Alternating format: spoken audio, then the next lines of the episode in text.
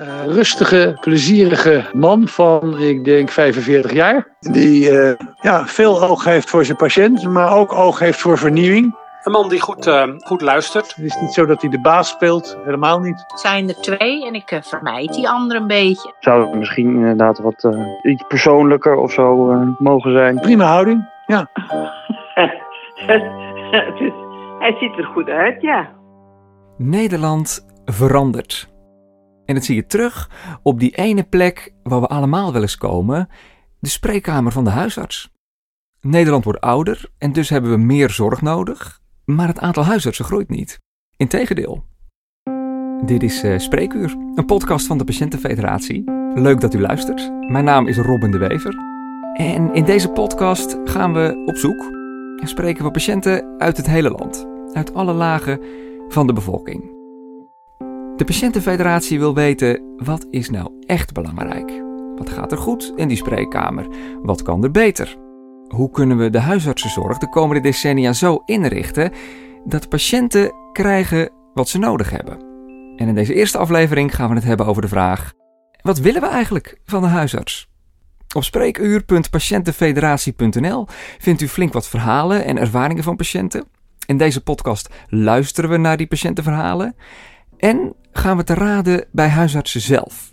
Bij twee huisartsen uit de landen die ons wel willen helpen om de boel vanaf de andere kant van de tafel te bekijken. Om even op de stoel van de dokter te zetten. En dat zijn Hugo Hardeman en Derkelien Valkman. Hugo heeft zijn eigen praktijk in Herveld in het zuiden van Gelderland. En Derkelien werkt in de regio Deventer. Ah, fijn. Daar gaan we. De patiënten die we de afgelopen tijd gesproken hebben, die zijn vrij duidelijk. Als je naar de dokter gaat, dan wil je van je klacht afgeholpen worden, maar je wil ook gehoord worden. Je wil begrijpen wat er aan de hand is. Goed kunnen praten met je huisarts. En meestal lukt dat. Daarnet aan het begin hoorden we al wat enthousiaste ervaringen. En het is eigenlijk ook logisch, eh, want onze huisartsen in Nederland horen bij de beste van de wereld. Maar wat wel opvalt, de huisarts wordt gezien als druk. En dat vinden we als patiënten soms wat heftig. Ik sprak laatst patiënte Trinette en die verwoorden het als volgt. Begint al bij dat eerste telefoontje, dan voel ik me al nederig worden van, mag ik een afspraak maken? En dan denk je, ze hebben het zo razend druk, want ik was de derde in de wacht. En dan, dan voel ik al de voorzichtigheid, de nederigheid, want we hebben het druk en het is al moeilijk genoeg. Ja, die telefoonlijn. Uh, dat gaat niet altijd goed, hoorden we meerdere keren. En dat ontdekte ook patiënte José een paar jaar geleden. En dat begint als ze over straat loopt met haar vriend. En hij had ja, slippers aan en hij stoot met zijn teen tegen een opstaand stoepje. En die teen die werd echt binnen 10 minuten werd die echt helemaal zwart. Nou, het was, het was, gewoon, het was ook heel pijnlijk. Maar het was al wel wat later op de middag. Nou is onze huisarts die is wel uh, tot vijf uur open. Dus om, uh, om vier uur, uh, we waren inmiddels thuisgekomen. Hij, hij kon hem niet rechtop houden, niet, niet, ja, niet naar beneden houden. Hele kloppende pijn. Dus uh, hij belt nog naar de huisarts. En dan krijg je een bandje. Nou, bij dat bandje kan je kiezen tussen ik wil de assistent spreken, maar eerst krijg je van is het spoeddruk 1. Dus hij drukt op, nou, op nummer 1 en dan, hij krijgt de assistent aan de telefoon. En hij legt uit wat er is. En de assistent zegt van ja, maar dit is de spoedlijn. Dus je moet even opnieuw terugbellen en dan nou, op nummer 2 drukken. Vervolgens bel, belt hij opnieuw. Hij drukt op nummer 2 voor een uh, wilt u de assistent spreken. En hij krijgt gewoon dezelfde vrouw aan de telefoon. En hij zegt ook, hé, hey, maar ik had u toch net ook aan de lijn? En die vrouw zegt gewoon, ja, dat, dat klopt, maar dit is niet de spoedlijn dus hij, hij heeft uitgelegd wat er is. Nou, die assistent die zegt van oké, maak er maar even een paar foto's van. Dan laat ik dat aan de dokter zien. En um, nou, dan, dan uh, laat ik het je even weten wat we daarmee gaan doen. Hij maakt meteen foto's, stuurt die op. En vervolgens niks. Er gebeurt niks. Hij krijgt niks te horen. En nou ja, de tijd gaat voorbij. Vervolgens is het uur geweest. De huisarts is niet meer te bereiken. En toen moest hij de huisartsenpost bellen. Ja, en nou, hij moest meteen komen. Uh, er werd een gaatje geboord in, uh, in, in zijn nagel. Want ja, dat, ja, die druk was zo inmiddels zo hoog dat, dat dat ging gewoon helemaal niet meer. Huisarts Derkelien heeft meegeluisterd met het verhaal. En ik zag dat terwijl ze zat te luisteren, ze begon te glimlachen. Ja, dat is grappig, omdat je bij eh, je probeert een beeld te vormen en, je, en eigenlijk een diagnose aan te hangen. Dus ik dacht eigenlijk in eh, minuut één, oh, ik denk dat ik weet wat er aan de hand is. Maar nu, eh, daarom moeten wij een beetje lachen, want eh, nu zegt, zegt van het gaatje boren in de nagel, dacht ik, ah, dat klopte. Ja, foutje. Komt dit op grote schaal voor? Waarschijnlijk niet. Maar toch, wat moet je? Als je keurig naar de dokter belt en keurig nog een keer belt naar de juiste lijn en dan alsnog moet constateren dat de ernst van de situatie niet helemaal is doorgedrongen. Wat doe je dan als patiënt? Het ligt niet alleen maar aan de spoedlijn, zegt Hugo. Nee, ik denk daar gaat het inderdaad fout. Die spoedlijn, dat klopt. Eh, de, de, de richtlijn zegt dat we, als de spoedlijn gaat, moeten we die binnen 30 seconden opnemen. En om dat waar te kunnen maken, we hebben maar één spoedlijn. Dus dat betekent dat dit soort gesprekjes moet je van die spoedlijn afhalen. Nou, dus dat voelt natuurlijk heel bureaucratisch, maar dat heeft te maken met dat je die spoedlijn vrij wil houden. Dus dat, dat, dat voelt raar, maar dat klopt wel. Ik, ik probeer altijd wel patiënten, ehm, eh, ja, laten we zeggen, de tip mee te geven. Als u mij mist, eh, word niet boos op me, maar help een handje. Ik, ben er niet trots op, maar het gebeurt me wel eens dat ik eh, eh, na drie weken ontdek dat ik, of, of dat ik drie weken geleden zie dat ik twee weken later zou bellen en dat ik dat dan nog niet gedaan heb. En dan is het heel fijn als een patiënt zijn vinger opsteekt van sorry, ik zit nog te wachten. Weet je, dan, dan help je me. Ja, over drukte gesproken. Laten we het ook eens van de andere kant bekijken, de kant van de huisarts. Waar is de huisarts eigenlijk zo druk mee? Nou, de praktijk waar ik het meest werk, eh, daar doen we van 8 tot eh, half 11 eh, spreekuur. En nu is dat een, ieder kwartier een andere patiënt. Dan doen we van half 11 tot 11 eh, eh, koffie drinken en overleggen met assistentes. Van 11 tot 2 hebben we tijd voor visites nou, en voor overige dingen. En dan van 2 tot 4 nog weer spreekuur. En dan van 4 tot 5 uitwerken en dan om 5 uur eh, proberen af te sluiten. Ik hoorde geen lunchmoment voorbij komen. Nee, ja, dat is een beetje wisselend. Dat zit tussen die 11 en 2. En als je geluk hebt, dan zit je dan een half uurtje of een kwartiertje. Maar er zijn ook momenten dat je in de auto een, eh, een boterham eet. Ja. Ja, mensen hebben soms gewoon niet goed beeld hoe ingewikkeld het kan zijn. En bij consulten moet het natuurlijk allemaal binnen 10 minuten of een kwartier. Ik vind het moeilijkste is het, het steeds het schakelen.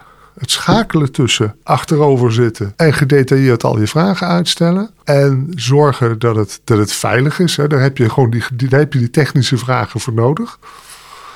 Ehm, ook het schakelen in tempo. Hè, want soms om, om tijd te hebben om te kunnen vertragen, moet je soms ook gewoon op topsnelheid door zaken heen.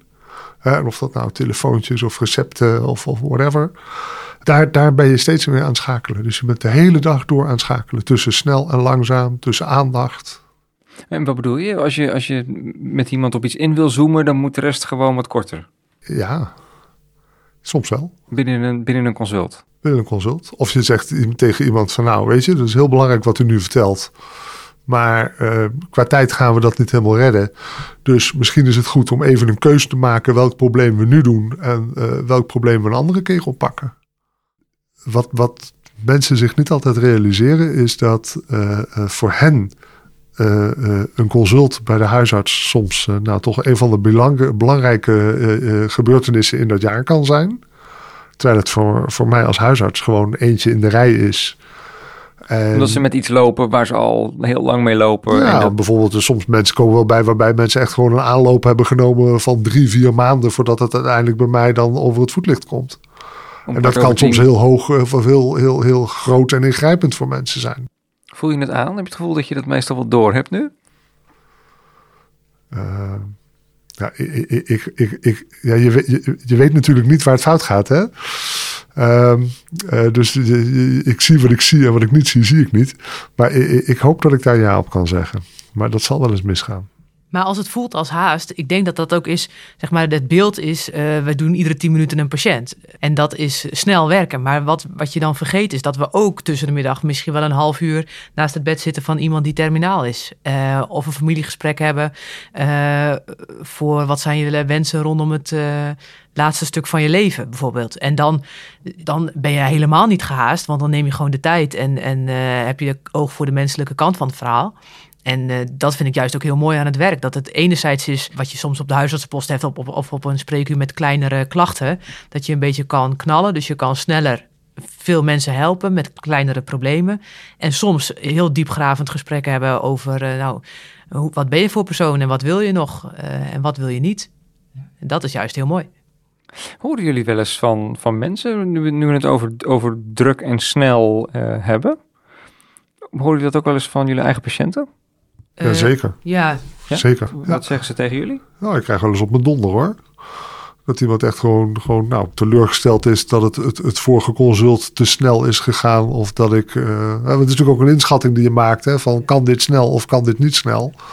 Nou, soms maak ik die inschatting goed. En soms zit ik er ook hartstikke naast. Weet je, dan, sla je, dan rij je echt een scheef schaats. Ja, Maar er zijn ook dagen dat je bijvoorbeeld eh, een heel druk spreekuur hebt. Dus alle, alles is eh, volgepland. En er komen nog twee of drie dingen met spoed tussendoor. Dan voel, tenminste, ik heb daar wel last van. Dan voel ik dus dat die haast in mezelf komt. En ik denk dat dat de dagen zijn dat de patiënt dat ook voelt. maar dat, dat- slijt. Ja, ja dat is. Ik merk dat ik, ik. Ik had daar vroeger last van. Ja. Daar heb ik tegenwoordig veel minder Ja, last dat van. zou zeker kunnen. Ja. dat is ja, ook een beetje lak aan de wachtkamer hebben. Hè, ieder consult begint weer opnieuw en rennen helpt niet. Nee. Want die gehaaste, eh, die gehaaste uitstraling, Mhm. hè, die je heel logisch krijgt, eh, je consult gaat er niet sneller van. Nee. En, en je, de- de- de- het eerste wat overboord valt, zijn die handige vaardigheidjes waarmee je, waarmee je eh, op een goede manier het tempo erin houdt. Weet je, rennen helpt niet, rustig doorwerken wel. Ja, je hebt ook patiënten die denken van ik heb hier een half uur op gewacht. Nou ga ik ook eens even zitten. Nou, Ik heb een lijstje. ja, je moet, het is belangrijk dat je die agenda aan het begin van het consult eh, samen even die agenda zet. Afgelopen vrijdag was ik weer bij de huisarts. En ik had een dubbele afspraak ge- gemaakt. Dus dan heeft ze ook ietsje meer tijd. En ik merk dat ze dan meteen doorvraagt van hoe het verder gaat in het dagelijks leven. eh, wat ik allemaal nog doe qua sport. Of ik inderdaad niet te veel doe. Dus ze doet niet alleen maar eh, tikken van een brief als verwijzing. Maar ze doet ook ja, gewoon vragen naar, naar je sociale leven, naar, naar je werk. Gewoon hoe gaat het in het algemeen. En daardoor heb je ook het idee dat je niet op spreekuur bent, maar dat je gewoon even bij je aan het praten bent met iemand die jou heel lang kent. Maar ondertussen vraagt ze wel precies de goede dingen. Zeg maar. Ehm, en als je daarheen gaat, dan natuurlijk kom je ook voor de kennis van de huisarts. Maar een huisarts die eh, is zo breed opgeleid, die kan ook niet alles weten. Dus het is, het is gewoon belangrijk dat, dat, dat ze goed naar je luisteren. En ook in de combinatie met wat je zelf aandraagt, dat je daar samen zeg maar, tot, een, tot een uitkomst komt. Of tot een behandelplan komt. Dit waren Davy en José. Ze zijn vaste klant bij hun huisarts, helaas. Davy heeft kanker gehad en José heeft MS. Ik ben het wel met haar eens. Ik vind wel dat het een samenwerking is tussen de patiënt en de huisarts. Eh, zij dragen eigenlijk alle relevante informatie aan die jij nodig hebt. Dus eh, Het is goed luisteren, zei ze. hè? ja, dat is het moeilijkste wat er is. Ja, is dat het moeilijkste, ja? Ja, want wij zijn heel erg snel geneigd om eh, te beginnen met praten. Hè? Dus als je, volgens mij, als je heel veel consulten terug gaat luisteren en je gaat timen hoe lang het duurt voordat je zelf een eerste vraag stelt. Dat is, eh, eh, jammer genoeg is- heel vaak kort. Het moet eigenlijk, eh, je moet, dat leren we dan hè, bij de opleiding, is echt achteroverleunen en eerst gewoon alleen helemaal niks zeggen, maar gewoon de patiënt laten praten. Dan krijg je bijna alles al op een presenteerblaadje. Hoezo dan? Wat, wat krijg je dan? Nou ja, wat, wij wat denken, soms denk je van je moet met een aantal slimme vragen proberen te achterhalen wat, wat eh, relevante informatie is. Ehm, dus het is een soort van eh, puzzeltocht of zo. Je moet zelf eh, uitvissen wat, wat, eh, wat er voor klachten zijn. Maar kijk, die patiënt heeft ook een belang. Die wil graag dat jij het snapt of, of daarmee verder kan. Dus die gaat uit zichzelf ook al een heleboel vertellen. Dus zolang je je mond kan houden, krijg je heel veel dingen cadeau. Wat moet je met een huisarts die, naar jouw smaak, een beetje te veel aandacht voor je heeft? Patiënt Anneke had dat. Het is 2019, Anneke is 84 en op een gegeven moment begint de huisarts tijdens een consult over wat hij de afgelopen tijd, tijdens een paar huisbezoeken, bij haar thuis gezien heeft. Want hij ziet dat ik mijn man moet wassen als hij een ongelukje heeft. En hij heeft namelijk veel ongelukjes. Meerdere keren per dag doet hij dan in zijn broek. En dan begrijp je, ik heb een flat met een bad en een, met een douche. En als je dan die leeftijd hebt en je moet hem van die wc tillen. Je moet de wc schoonmaken. Je moet de badkamer schoonmaken door al dat vuil. En dat is niet één keer, maar dat is dus vaak. Hij kon dan niet begrijpen dat ik dat nog altijd kon doen. De huisarts vond het wel een goed idee als Anneke en haar man naar een verzorgingshuis gingen. Hij was er al eens vaker over begonnen, Ja, hij is al een paar jaar terug begonnen. maar Anneke zat er helemaal niet op te wachten. Ik vond dat niet nodig, omdat ik dat nog aankon. Op een gegeven moment organiseert hij zelfs een speciaal consult. Met kinderen en al. Mijn kinderen moesten erbij zijn. Dan had hij dus de praktijkondersteuner, had hij erbij eh, nog een andere dokter, fysiotherapeut. Alles wat eigenlijk op dat moment speelt. Maar ik hield voet bij stuk dat ik dat nog aankon. En daarna, ondanks die afwijzing, bleef hierover beginnen. Dat het toch wel echt het overwegen waard was.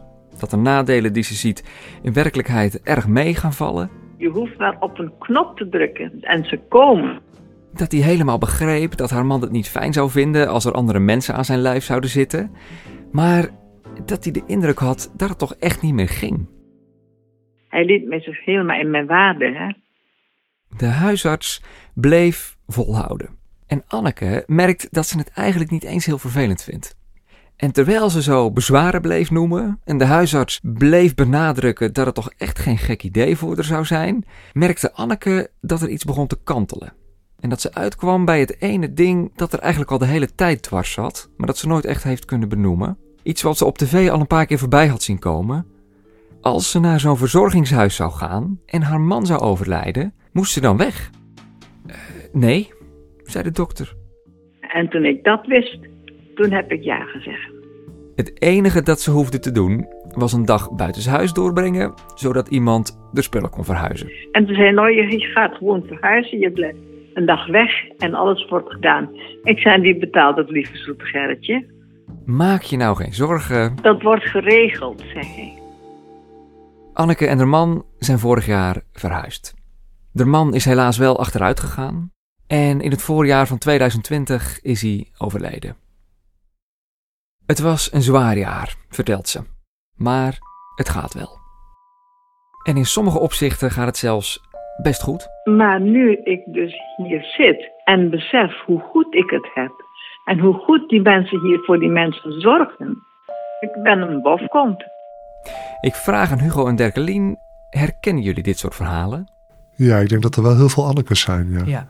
Ik weet niet of het schroom is. Want ik, ik, Anneke klinkt me niet zo beschroomd in de oren. Maar ik denk dat het vooral is dat het besluit eh, wat Anneke moet nemen, dat dat gewoon heel erg ingewikkeld is. Zijn jullie een beetje op de hoogte van de behoeften van eh, mensen om je heen? He- hebben jullie Annekes in je praktijk? Ja, Ja, zeker. absoluut. Ja, maar die, maar die je niet ziet? Van wie je niet ziet dat ze dit nodig Ik, hebben? ik, ik kom wel eens een Anneke tegen waarvan ik denk van het was handig geweest als ik jou een jaar eerder was tegengekomen. Ja, dat klopt. Dat gebeurt wel. Maar het, ja, het grote eh, dilemma en het, het, voorbe- eh, het voorbeeld van Anneke is natuurlijk dat, dat mensen inderdaad de, de neiging hebben om hun eigen vermogen te overschatten. En vaak, wat, wat dan, dat hoor je er ook wel een beetje zeggen, is van nou, als, weet je, als alles mee zit, dan lukt het nog net. Maar ja, in het leven zit natuurlijk niet alles mee. Hè? Dus, dus je moet eigenlijk een situatie. De situatie moet eigenlijk zo zijn dat als het een beetje tegen zit, dat het dan ook nog goed blijft gaan. Zeker op het moment dat zo'n. De, de, de zorg in de tijd langzaam toeneemt, dan, dan groei je daar als, als, als echtpaar groei je daarin mee. En dan zie je vaak dat zo'n overbelasting heel sluipend ontstaat. En dan heb je het soms ook niet goed in de gaten. En zoals ouderen soms de neiging hebben om zichzelf een beetje te overschatten, zo onderschatten jongeren soms de huisarts, zegt Derkelien. Als je gezonde jonge mensen spreekt, eh, bijvoorbeeld op een verjaardagsfeestje, die eh, komen zelf misschien heel minimaal bij de huisarts, gemiddeld genomen, één keer in het jaar of zo voor iets kleins. En die denken dan, waar is de huisarts toch al die tijd mee bezig? En die realiseren zich niet dat er een groep is die eh, zoveel zorg nodig heeft, dat je ze misschien wel iedere week of iedere twee weken ziet. Of dat er iedere twee weken contact is met iemand van de praktijk. En ik denk dat dat voor heel veel mensen soms wel lastig voor te stellen is. Dat er dus mensen zijn met zoveel ziektes of zoveel gezondheidsproblemen of zoveel uh, sociale problemen, dat ze dus veel groter beroep doen op de huisarts. Maar ja, dat moet je wel weten. En als je het ziet, zegt Derkelien, dan begrijp je misschien beter dat het spreekuur soms snel gaat. Waarom wij van de Patiëntenfederatie bij onze gesprekken met patiënten het woord haast meerdere keren horen terugkomen. Wat ik uh, in de loop der jaren steeds meer leer, is dat hoe authentieker je bent, hoe, uh, hoe meer mensen dat waarderen. En kijk, dat huisarts zijn, je hebt eigenlijk heel, het is een heel persoonlijk vak. Je doet het met je eigen handen, met je eigen hoofd, met je eigen hart, met je eigen hersens. Je kunt je een beetje achter een stethoscoop en een bloeddrukmeter verstoppen. Maar je kunt, uh, ja, je kunt geen scans of ingewikkelde toestanden. Het is heel persoonlijk.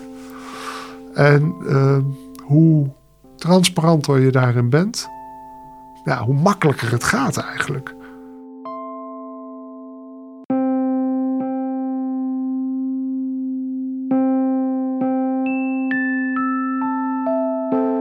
Dit was hem, Spreekuur. Leuk dat u heeft geluisterd. Meer info en muziekcredits vindt u op spreekuur.patiëntenfederatie.nl.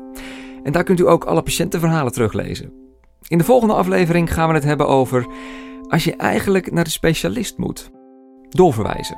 Ik had wel echt last van vermoeidheid, flauwvallen en duizeligheid. Dan moet je langs de huisarts en dat vraagt een hoop van zowel patiënt als van de huisarts. Dat is toch een beetje denken, ja, dat, dat zal wel zo gaan dan of zo. Ja. Tot de volgende.